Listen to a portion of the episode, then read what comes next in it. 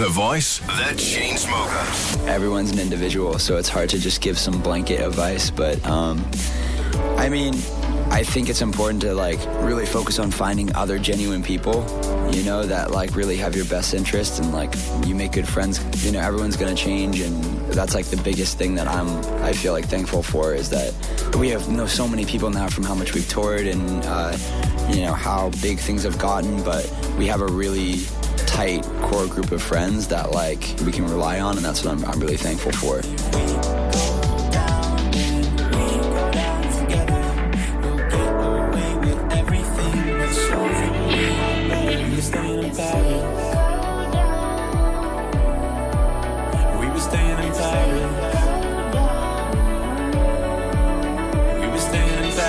Also like just to follow your intuition you know like there's always i'm a big believer in like if something doesn't feel right then it's it's not right. Don't be scared of it even when it seems like you know what you feel like you should do will be controversial or whether that's to the public or to your friends or to whatever. If you think something's right you need to follow it Young uh, Danish boys and girls are the top placed in Europe when it uh, comes to the use of social media and gaming and watching television. Really? Yeah. I was just wondering, what do you guys uh, think young people should do instead of just Snapchatting, Instagramming, and uh, go to Facebook? Go outside, experience life in, in front, you know, in, in real life. It's out there. I mean, I used to just play outside and play sports and explore and, you know, do stuff like that.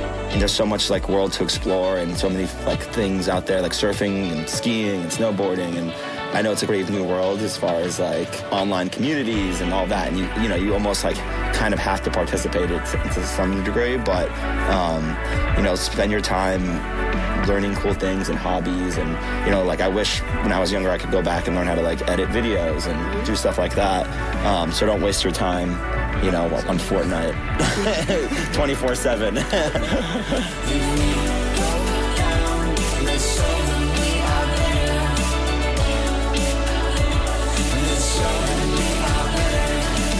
Since 2010, there has been a 50% increase on young Danish women feeling unhappy. And I was just uh, wondering, it has been really hard to find out what the exact reason is.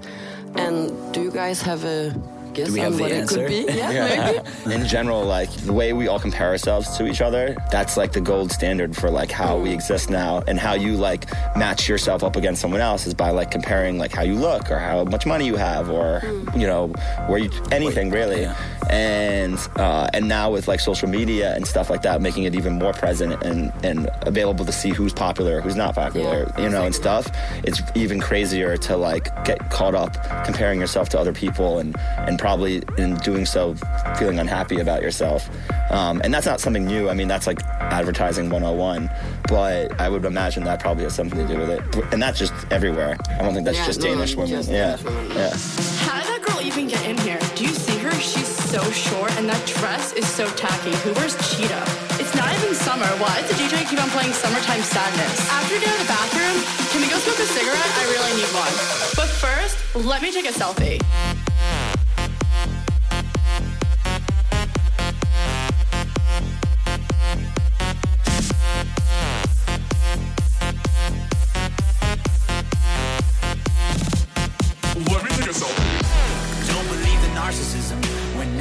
Projects and expects you to listen to them. Make no mistake, I live in a prison that I built myself. It is my religion, and they say that I am the sick boy. Easy to say when you don't take the. The song um, Sick Boy, you sing, Make no mistake, I live in a prison that I built myself, it is my religion. And what does that mean? basically the complex that is being sucked into it, you know the whole thing about the sick boy song is it's not really criticizing it. It's just we want people to acknowledge you know the way that they interact with each other the, their relationship with social media.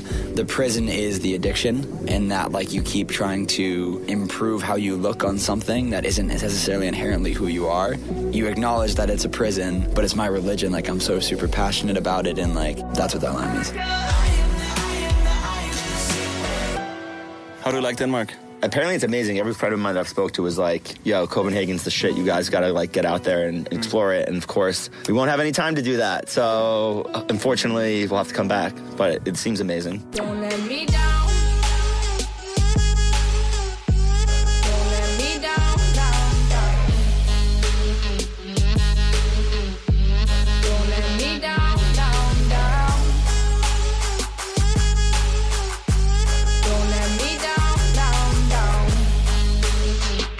Learned any Danish? None. Like when you play in foreign countries, do you learn how to say cheers or hello to say it on, on stage? I mean, do you guys say skål too? Skål, yeah. Oh, okay, good. All right, cool. Yeah, then I know some Danish. Danish is one of the most difficult languages to learn. So I brought uh, some Danish expressions. Oh, okay. So you have to read them out loud in Okay. Danish and then English and Okay. then tell us what you think it means. Oh, okay. This is your name in Danish. Oh wow. That we have no chance at this game. If that's what our name looks like. Is that an A and an E? It's an A. E. A. Kæderygerne. Oh, that's how you pronounce it? Yeah. I would have called it that. Ketergene. Kæderygene. But what does go cucumber mean? It's like uh, go crazy. Oh, go cucumber. Go bananas, yeah. Oh, go bananas. Go yeah. red. Yeah. You go cucumber. Uh, so Erden gay barbre. Now that goat is shaved. what does that mean? Is that how, how do you pronounce it? Did I nail it? So I think what do you think it means? Now that goat is shaved. Uh, someone trimming their nether regions. I don't know. Yeah. It means uh, it's done. So when you're done with the concert, that goat is shaved. Okay. Okay? Hey, I was doing just fine before I met you. I drink too much and that's an issue, but I'm okay. Do you want to take another one? Great. En pin der... Uh, pine du oot. And then a stick in the ear. Um, is it like shooting yourself in the foot? Um, mostly it's like getting drunk. Different. I mean, Kind of the it could same. mean the same thing. Kind of. So um, are you getting a stick in the ear tonight? Maybe after. So baby, pull me closer in the backseat of your Rover that I know you can't afford. Bite that tattoo on your shoulder. Pull the sheets right off the corner of the mattress that you stole from your roommate back in Boulder. We ain't ever getting. Blue nepper? Fly fucker? Fly fucker. like, fuck off. It means going into detail with something. so you're like, This is a really nonsensical. that's why it's like one of the most difficult. Yeah, because it makes no sense. Thank you so much. Thanks, guys. That is a very hard language.